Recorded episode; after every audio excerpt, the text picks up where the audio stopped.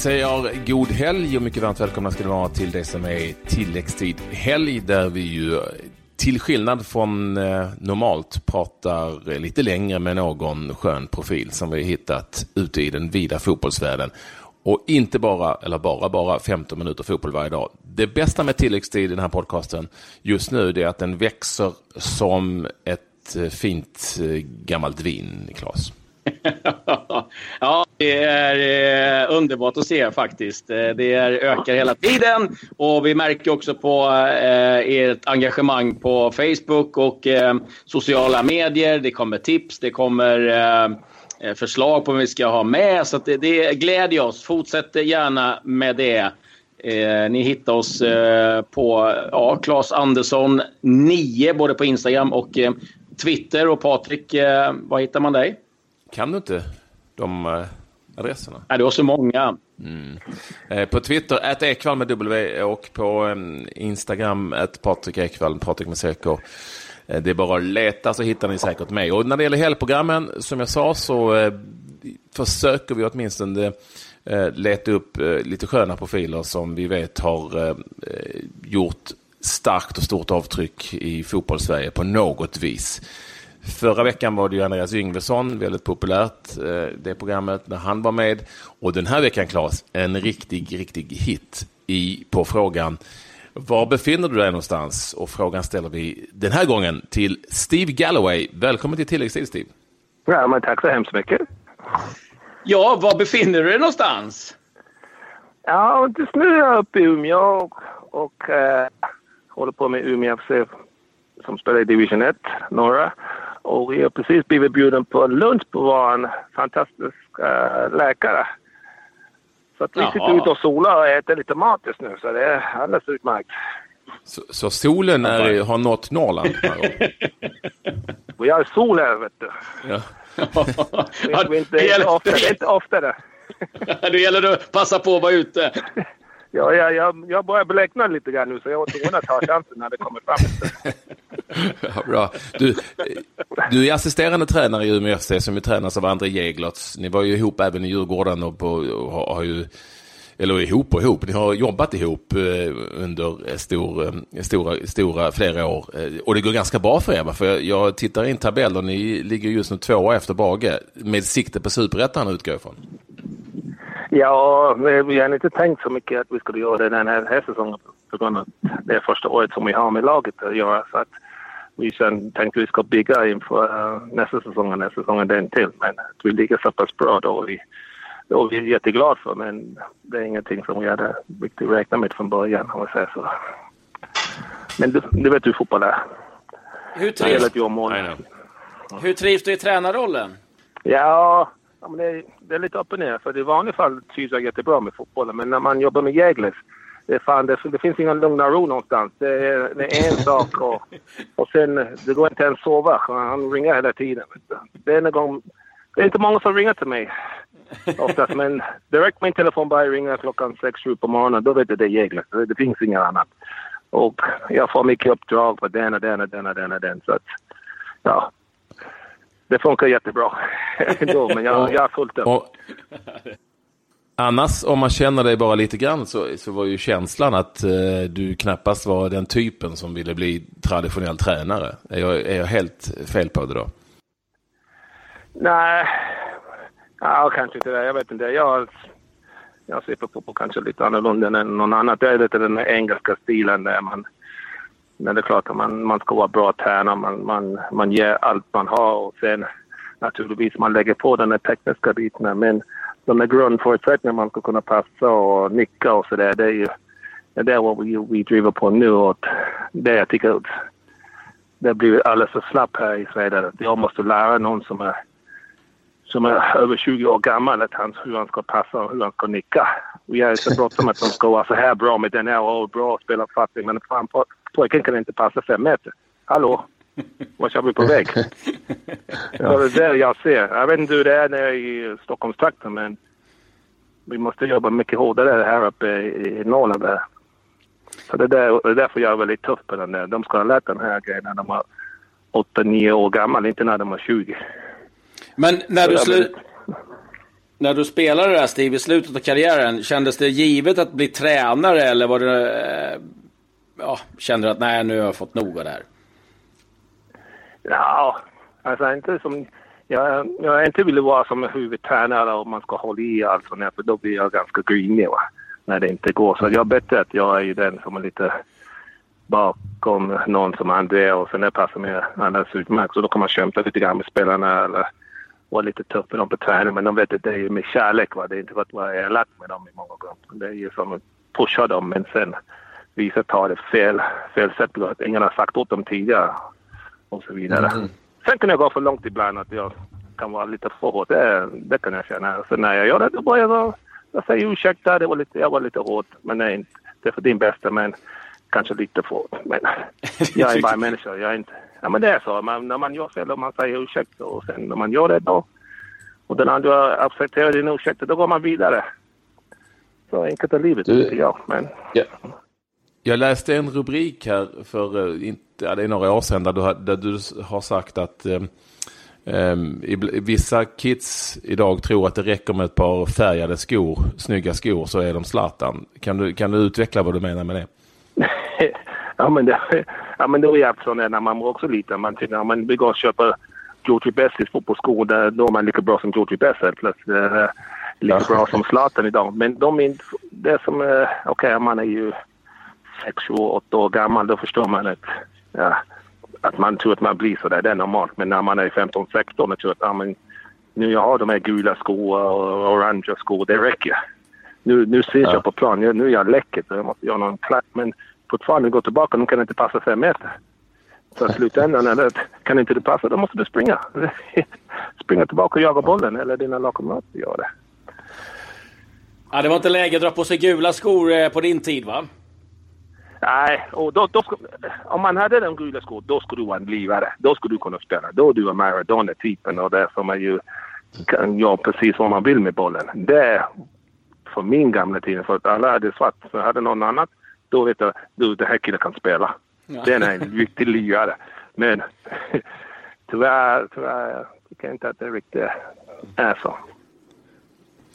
Vi ska vi gå tillbaka lite i historien också och förklara för våra yngre lyssnare som vi ändå har vem, att, att Steve Galloway alltså eh, uppvuxen i eh, London och spelade i, ja du tillhörde ju bland annat Crystal Palace och valde sen att resa till Sverige som många gjorde på den tiden på 80-talet och hamnade i Lilla Teg i, i Umeå, gjorde succé där och blev sedermera eh, Djurgårdsspelare, Djurgårdsspelare, tog Djurgården då, den gången till SM-final på den tiden som han spelade mästerskapsserie. Det blev förlust i den SM-finalen mot Malmö FF, men ändå stor succé i Djurgården innan han återvände till Umeå och, och stannade där och gjorde 4 000 mål eller något sånt där för Umeå. Lite olika Umeå-lag. Eh, och, och, eh, och Steve Galloway är för evigt eh, ett starkt namn i svensk fotboll och Djurgården. Berätta lite hur det var att komma till Sverige och hur fan du hamnade i Lilla Teg. Ja, ja. Jo, det, det är ganska roligt faktiskt. Det var att jag hade spelat i, uh, i Palace och då hade jag blivit uh, släppt på grund av att jag var skadad så mycket. Så jag hade kommit från amatörfotboll till proffsfotboll och det är inte lätt när man inte vet hur det går till. Så att jag hade, fick mycket skador och så vidare så jag aldrig fick riktigt komma igång med att vara en proffs då. Och då fick jag möjlighet att komma till Sverige och jag, jag måste byta miljön, jag måste se någonting annat.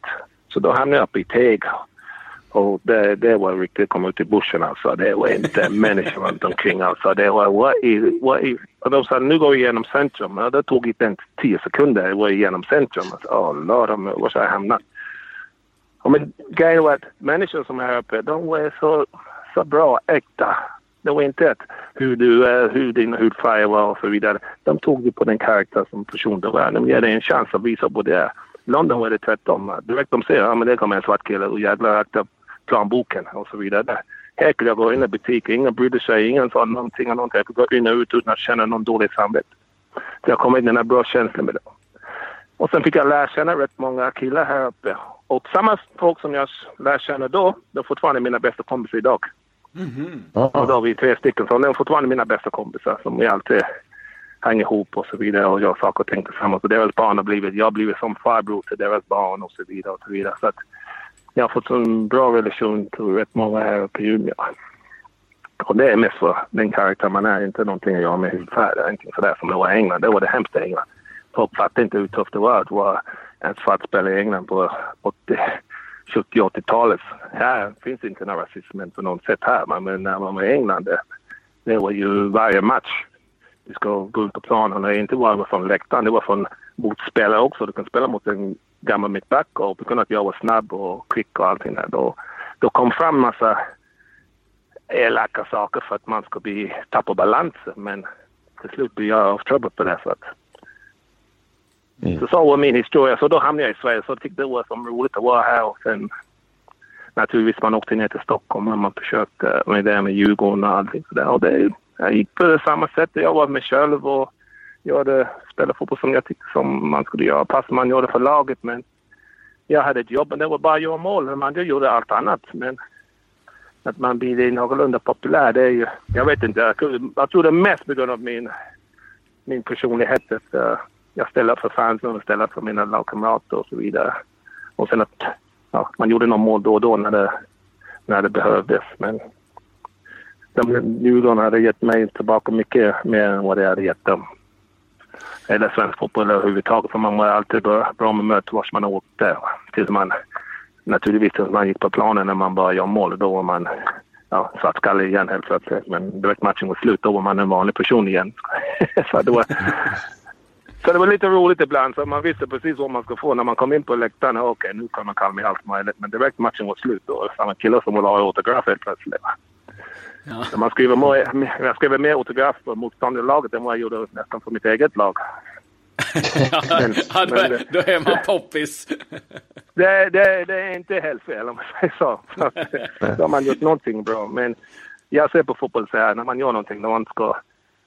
Även om den andra laget inte gillar dig för olika anledningar, men de ska respektera dig när matchen är slut. Så att shit, jag hatar den där jävla Galloway. Men fan, han gör mål när han får läge. Ni får inte ge honom en millimeter för då tar han hela handen. Det är vad jag ville, ville ha när jag spelar färdigt mot vilken motståndare det är. Va? Sen är det inte lyckas alla gånger men det är själva motsättningen man, motsättningen man sätter igång.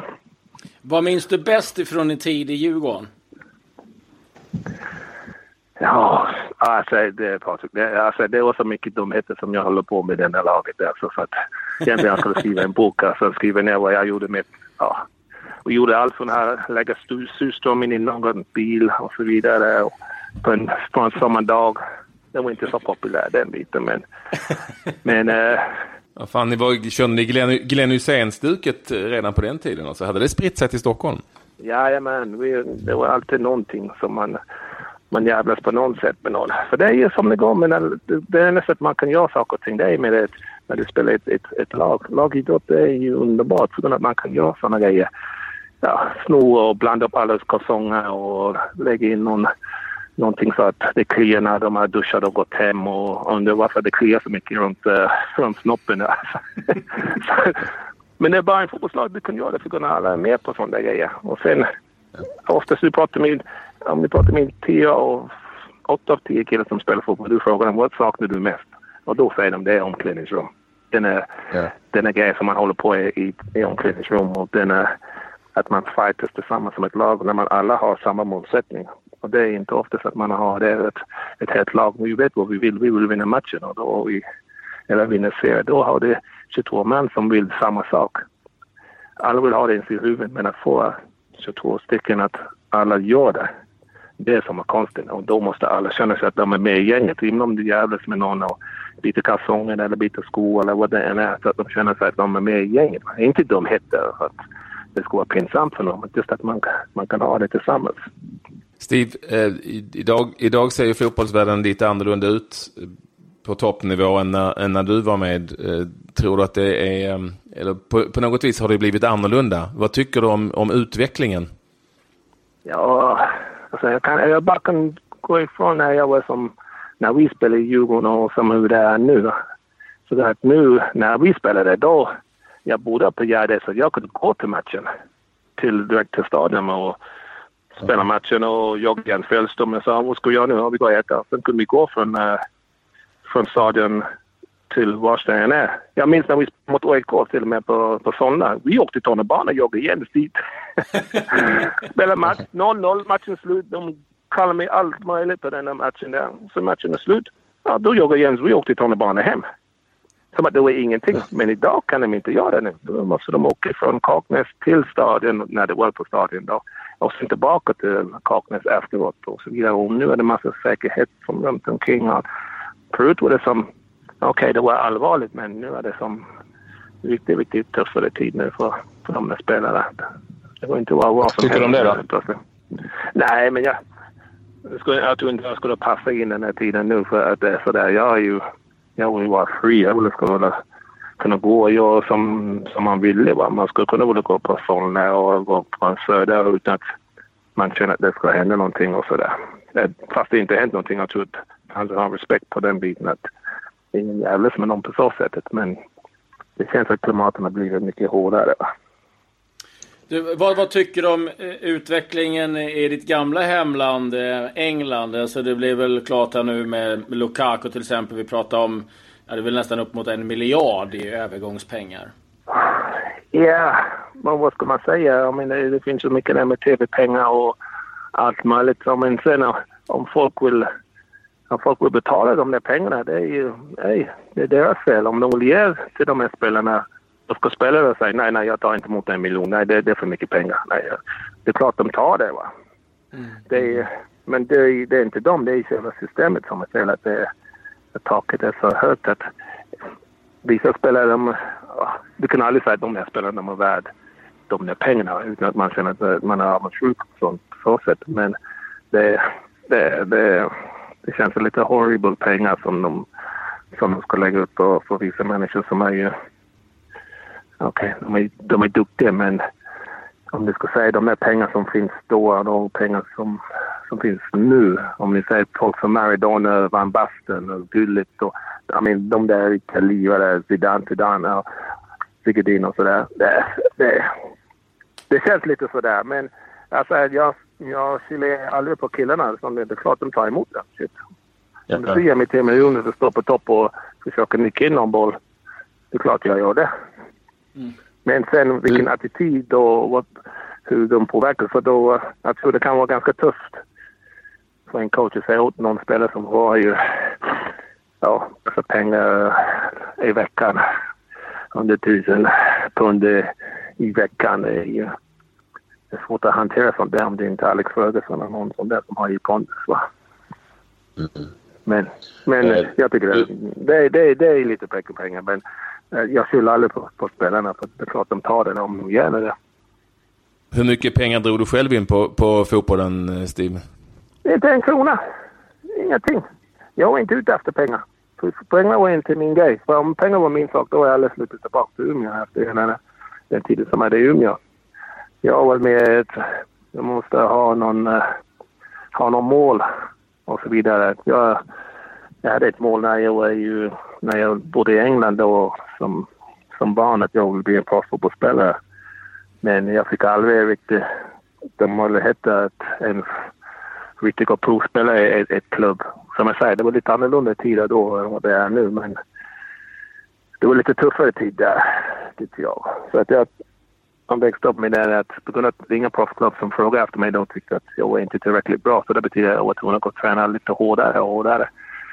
Ja, det var inte tills jag fattade när jag var 16 att jag var lika bra som alla de som blir, som fick lärlingskontrakt. Så att, då fick jag kämpa på och jag lovade mig själv att, att, eh, att jag ska bli proffs någon dag. Någon gång ska jag, någon ska se mig någonstans.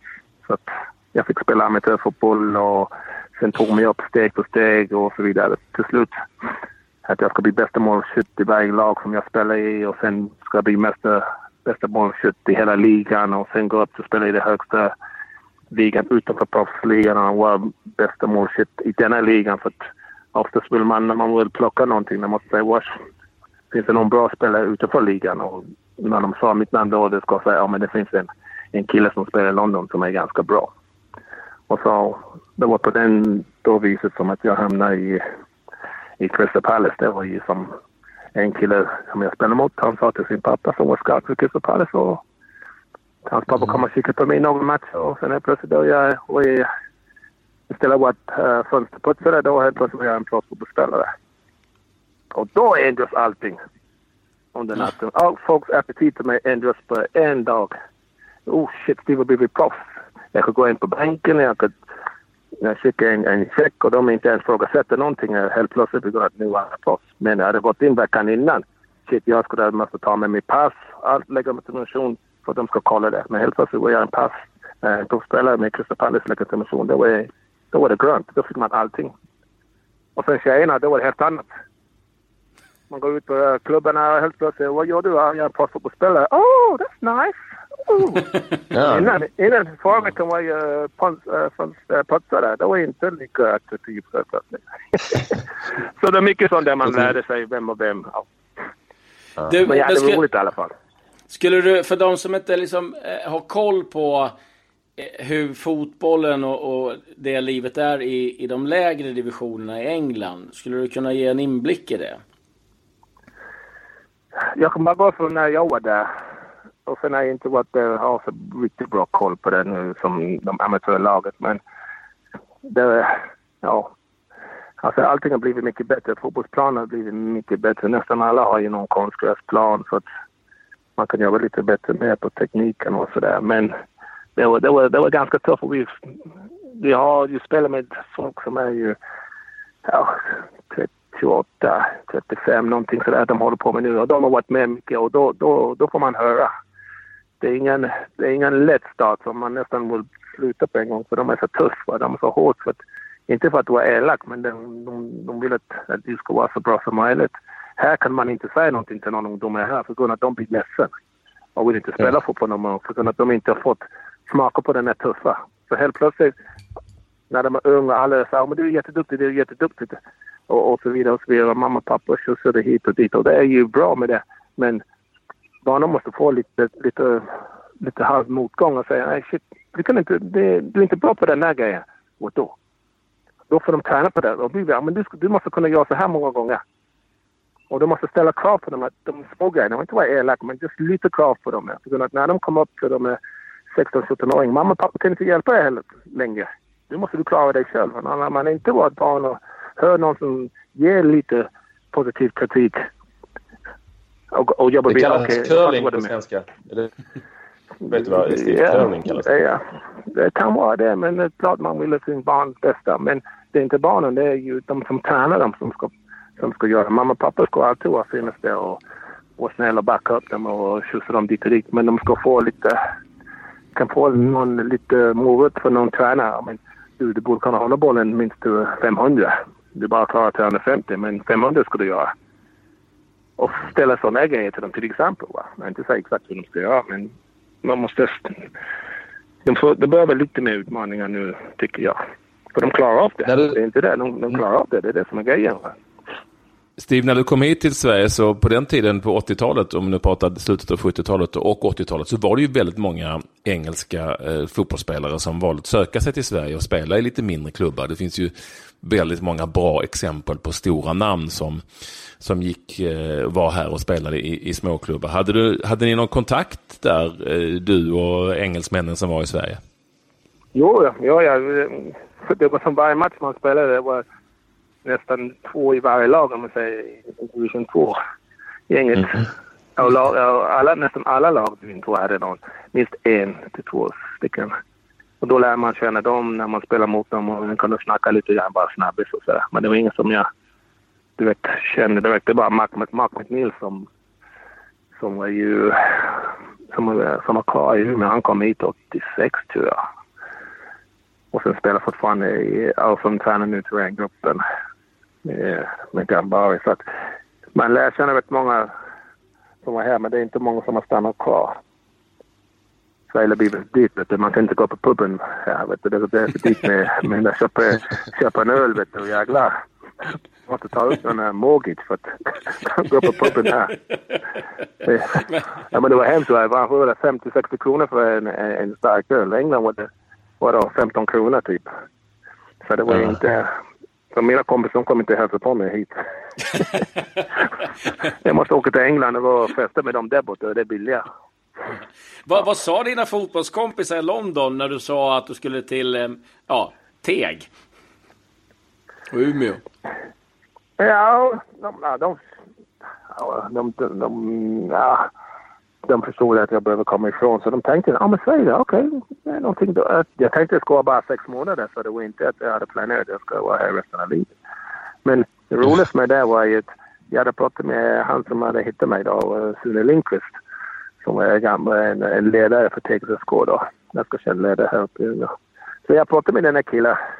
Han ringde hem till mig på min vanligt hemtelefon för det fanns inte som mobiltelefon. Så att han tur att han hittade mig hemma just den här kvällen då. Och då pratade vi. Och det är ju som konstigt därför man, jag pratade med honom i typ tio minuter. För han ville att jag skulle komma hit och spela sex månader med Teg och så vidare. Och det är inte ofta man träffar, träffar en person som man känner 100% tillit jag har aldrig träffat honom förut. Du hör hur de pratar. Jag tänker, ”Han är helt mannen Finns. Det finns ju sådana människor kvar runt i världen som pratar så här och ärligt och så vidare. Så jag tänkte, shit, den här mannen måste... Jag måste bara gå dit för att se om han är äkta. Jag tänkte, han är bara sex månader. Om det inte funkar, då kan jag gå tillbaka till England. Inte mer. Men jag tänkte, ja, den här mannen är äkta. Och samma värva med den, samma vecka, då fick jag en, um, en scout från Belgien som hade ringt och frågade om jag skulle gå dit. För jag hade blivit precis ja, släppt från uh, ja, Palace. Det var. Så han ville att jag ska till Belgien då. Så jag sa till nej, jag har redan sagt att jag, jag lovade eh, Sune att jag skulle gå till Sverige då. Han sa, vadå säger jag? jag sa, kom till Belgien, det är proffsfotboll här. Jag sa, men jag har redan lovat han, det är ringer en vecka för sent. Alltså den här scouten, han var ett bokig på telefonen. Han höll på att skälla ut mig. Hur fan tänkte du att du skulle gå till Sverige? Sverige är ingenting. Kom till Belgien, det blir någonting här och så vidare. Alltså du, kompis, jag känner inte dig. Men om jag lovar någon någonting, det spelar ingen roll vad det än är. Om jag säger att du kan köpa min bil för 50 kronor, då säger jag 50 kronor, då är det 50 kronor. Fast det, den är värt 50 000. Men om jag säger 5 kronor så är det. Så han var mm. vansinnig på mig att jag, jag stod på mig. Alltså att, och det var det bästa jag gjorde, att jag åkte till Sverige för att Sune Lindgren var precis ännu bättre än vad jag hade förväntat mig. För det var efter den tiden som jag var i Djurgården, när jag visste att han hade önskat att han ville tillbaka, ville ha ett lag som ska spela i Allsvenskan. För de säger Umeå, men det är Umeå, Umeå fotboll är dött. Men han, hans önskan att vi ska ha ett lag i, i Allsvenskan. Och så jag, okay, jag hade det bra i Djurgården och så vidare. Jag kunde stanna kvar i Djurgården tio år till där utan problem och, och att det skulle funka. Men just att jag känner att ibland man måste säga man måste hjälpa någon annan någon gång. Och okej, okay, min eh, fotbollskarriär kunde självklart ha gått bättre. Jag kunde ha gått tillbaka till England och, och spela på hög nivå i England. Det skulle jag kunna ha gjort. Men som jag säger, ibland man träffar sådana personer bara en gång i sitt liv och, och jag tyckte, men, ja, men jag, jag kör. Jag, jag ska försöka göra allt jag kan för att han ska få, vi ska få ett lag upp i, äh, upp i Allsvenskan. Det tog några år, men vi gjorde det. Så ja. jag ångrar mig inte någonting. Pengar är pengar. Okej, okay, det är klart jag kan vara rik nu, och, men nu är man inte av sådana här pengar nu. Men nej, det som att om jag dör nu, då vet jag att jag har gjort allt jag kunde ja. hjälpa folk eller uppleva den drömmen. Jag blev proffs utan utifrån när jag började då, då var det som att fan, jag skulle, om man skulle cykla till månen så långt bort då var det. Det var enklare att cykla till månen än att jag skulle bli en proffsfotbollsspelare back in the day under den tiden. Så att jag hade sagt det till någon, jag tycker att du är idiot eller? För de, när du är 16 år i England på 80-talet, om du inte fått en lärlingskontrakt när du är 16-17, då är det kört. Du har inga chans att komma in i, i proffsfotbollen. Men jag är dum i skallen i huvudet. Jag, jag trodde inte på det. Jag tänkte någon kommer se mig någon dag och jag ska vara förberedd. Jag ska vara redo. När de kommer då jävlar. Och så var det. Men livet är sådär. Om du inte tror på dig själv, ingen jävla gör det. Vet du min svenska. Spelar ingen mamma och pappa. Om du inte tror. Folk kan tro på mig hur mycket de vill. Men det är upp till mig. Folk, det finns andra, de kan hata mig. 100%. Vilket ju är sant är på alla sätt och vis. Det är sant på alla sätt och vis. I kloka ord. Avslutningsvis då bara, Steve. Du, du ähm, är ju äh, nästan mer svensk än, än, än britt, brittisk nu för tiden. Äh, och har valt då... Ja, men... Nästan, sa jag. sa nästan. Oh, jag, backa lite, man. Jag, jag vet, England alltid kommer först. Man, man kan aldrig svika det land som man kommer först. Nej, men jag sa, jag sa ju nästan för fuck's sake. Jag sa ju nästan. Right. Ja, men det vet folk de, de, de tolkar saker och ting fel. Vet du. Därför när du pratar, när du pratar, alla tror på det du säger. Det vet du va? Ja, jag vet, jag vet, jag vet. Men du, Steve, Steve varför, varför valde du att stanna kvar i Sverige? Vad var, var det kärleken eller var det någonting annat? Nej, det var ju svårt att förklara. Folk alltid sagt, varför bor du i Umeå? Men tills folk kommit hit upp och bor här uppe, då säger jag okej, okay, nu förstår jag. Det är till exempel så här, när jag flyttade hit upp, 80, när jag kom hit 87 Teg, bodde i Umeå. Umeå är inte så utvecklat som det är nu med alla nya hus och massor sådär. Det var knappt någonting här. Och då, precis där på sommaren, då stack alla härifrån. Från stan. Jag sa, vad ska ni? Ja, vi ska ut till vår stuga. Vadå stuga? Alltså, vi bor i bussen redan. Jag sa, de bor i Umeå, det är bussen. Men de ska ut till stugan och ha en liten, en liten hus med ingen med utedass och så vidare. Och kan inte sitta i eh, någon sjö och sådär. Så för dem var det... För mig var det svårt att förstå den där. På grund av att jag kommer från London och jag tyckte att Sverige var ju... I mean, Umeå var ju eh, ute i skogen redan. Men det är inte tills jag har bott där i flera år då jag fattar att vara i centrum här och sen helt plötsligt ska man gå en fem sex kilometer utanför stan och den här lugnet som är på ett helt annat sätt. Så då förstod jag det. Hur, hur de tänker nu. Alltså, yeah. Så jag bodde där någon mil utanför Umeå ett tag där det var så skönt. Eh, nu tycker man att Umeå var stökigt och fullt upp och så vidare. Men direkt man kom utanför, det var så mysigt. Sen att man bor kvar, här, det är ju... Eh, jag trivs så bra här. Allting finns ju här uppe. Jag behöver hjälp med någonting, jag bara ringer till en kompis. Jag behöver någon hjälp med någon bil om jag behöver någon, någon, någon, någon prata med någon bankkille eller någon advokat. Det finns ju folk där som kan hjälpa. Flyttar till Stockholm eller flyttar tillbaka till England, då har jag ingen. Ingen som kan hjälpa med någonting som jag kan få hjälp på en gång. Så jag har ganska bra connection uppe med, med det mesta. Så jag tror det är därför. Du har blivit, norr... du, du har blivit norrlänning, Stig. Det är härligt att höra. Gör det det? Vad härligt att få, att få prata med dig igen, eh, Steve. Och eh, jag, jag, hoppas att, att allting är bra, att du kan hoppa in i någon match med TV-laget igen. Det var succé senast. Fortfarande, fortfarande vältränad och stark. Ah, jag, jag är okej. Okay. Jag ser okej ut alltså. Men du vet, man blir gammal. Jag kanske ska prova på Let's Dance nästa år. Alltså Jesper var med på det Let's Dance. Men Jesper kan inte dansa vet du. You need some black people on there man. Show you some moves man. det, är, det, är tajt, det, är tajta, det är tajta kläder i Let's Dance, det vet du va? Det, det finns en risk med det också. Ja, men jag kan ha äkta kallingar på mig vet du. Det är inga problem. eh, underbart. Tack så jättemycket Steve. Ja, det är härligt. härligt eh, jättekul att du var med Steve. Och eh, njut nu av eh, sista av solen och eh, lycka till framöver med eh, Umeå FC. Tack så hemskt mycket. Tack så hemskt mycket att jag fick vara med. Och eh, Patrik, vi, vi syns på någon eh, TV-lagets match. Jag försöker vara lite frisk så kan jag komma försöka göra lite mål den här gången. Ja. lycka, lycka till med allt ni gör. Tack detsamma. Ja, det var Steve Galloway. Det är fantastiskt att höra honom prata och prata länge och mycket. Ja. Det kändes som att eh, det, det, det kändes som att han gärna ville prata om det som har varit och det som är. Så det är skönt med den här typen av profiler. Jag gillar de här samtalen, Claes. Ja, men det är, det är roligt. Det är ju någonting också, vi som kanske då är lite modell äh, äldre i de här sammanhangen. Det är kul för oss som äh, någonstans, det, det, här var ju lite hjältar på den tiden och otroligt populära och äh, var sköna profiler framförallt när de kom och, och bjöd på sig själva. Och, äh, kul och äh, ännu roligare om de väljer att stanna kvar och bli tränare. och och sprider lite glädje sådär. Så att, äh, det är kul att, att träffa de här. Men jag hade ju Avril Stavrum här för ett tag sedan också. En, en annan eh, lirare som kom och förgyllde eh, vår fotboll på flera sätt. Ja, Steve Galloway alltså numera tränare i assisterande bakom André Jäglertz i Umeå FC som ligger på en kvalplats i detta nu bakom Brage till Superettan. Eh, Härligt med honom. Missa inte våra andra helgprogram. De finns ju bara att söka upp under tilläggstid helt enkelt. Eh, lite längre intervjuer med sköna profiler. Det finns en hel del roliga namn där. Och missa inte vårt eh, dagliga program 15 minuter fotboll varje dag.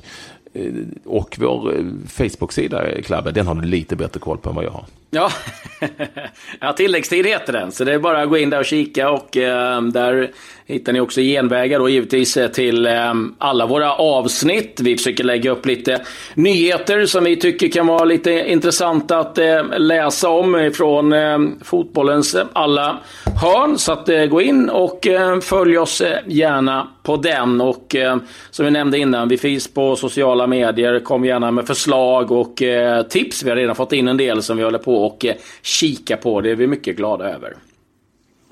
Mm, nu säger vi tack och hej för den här helgen. Ha en fortsatt eh, trevlig tid där du befinner dig i sommarsverige eller sommarvärlden. Och eh, missa inte våra program i veckan. Det är en rätt intressant allsvensk vecka som vi har framför oss. Till exempel. Ha det så bra. Hej då. Hej då.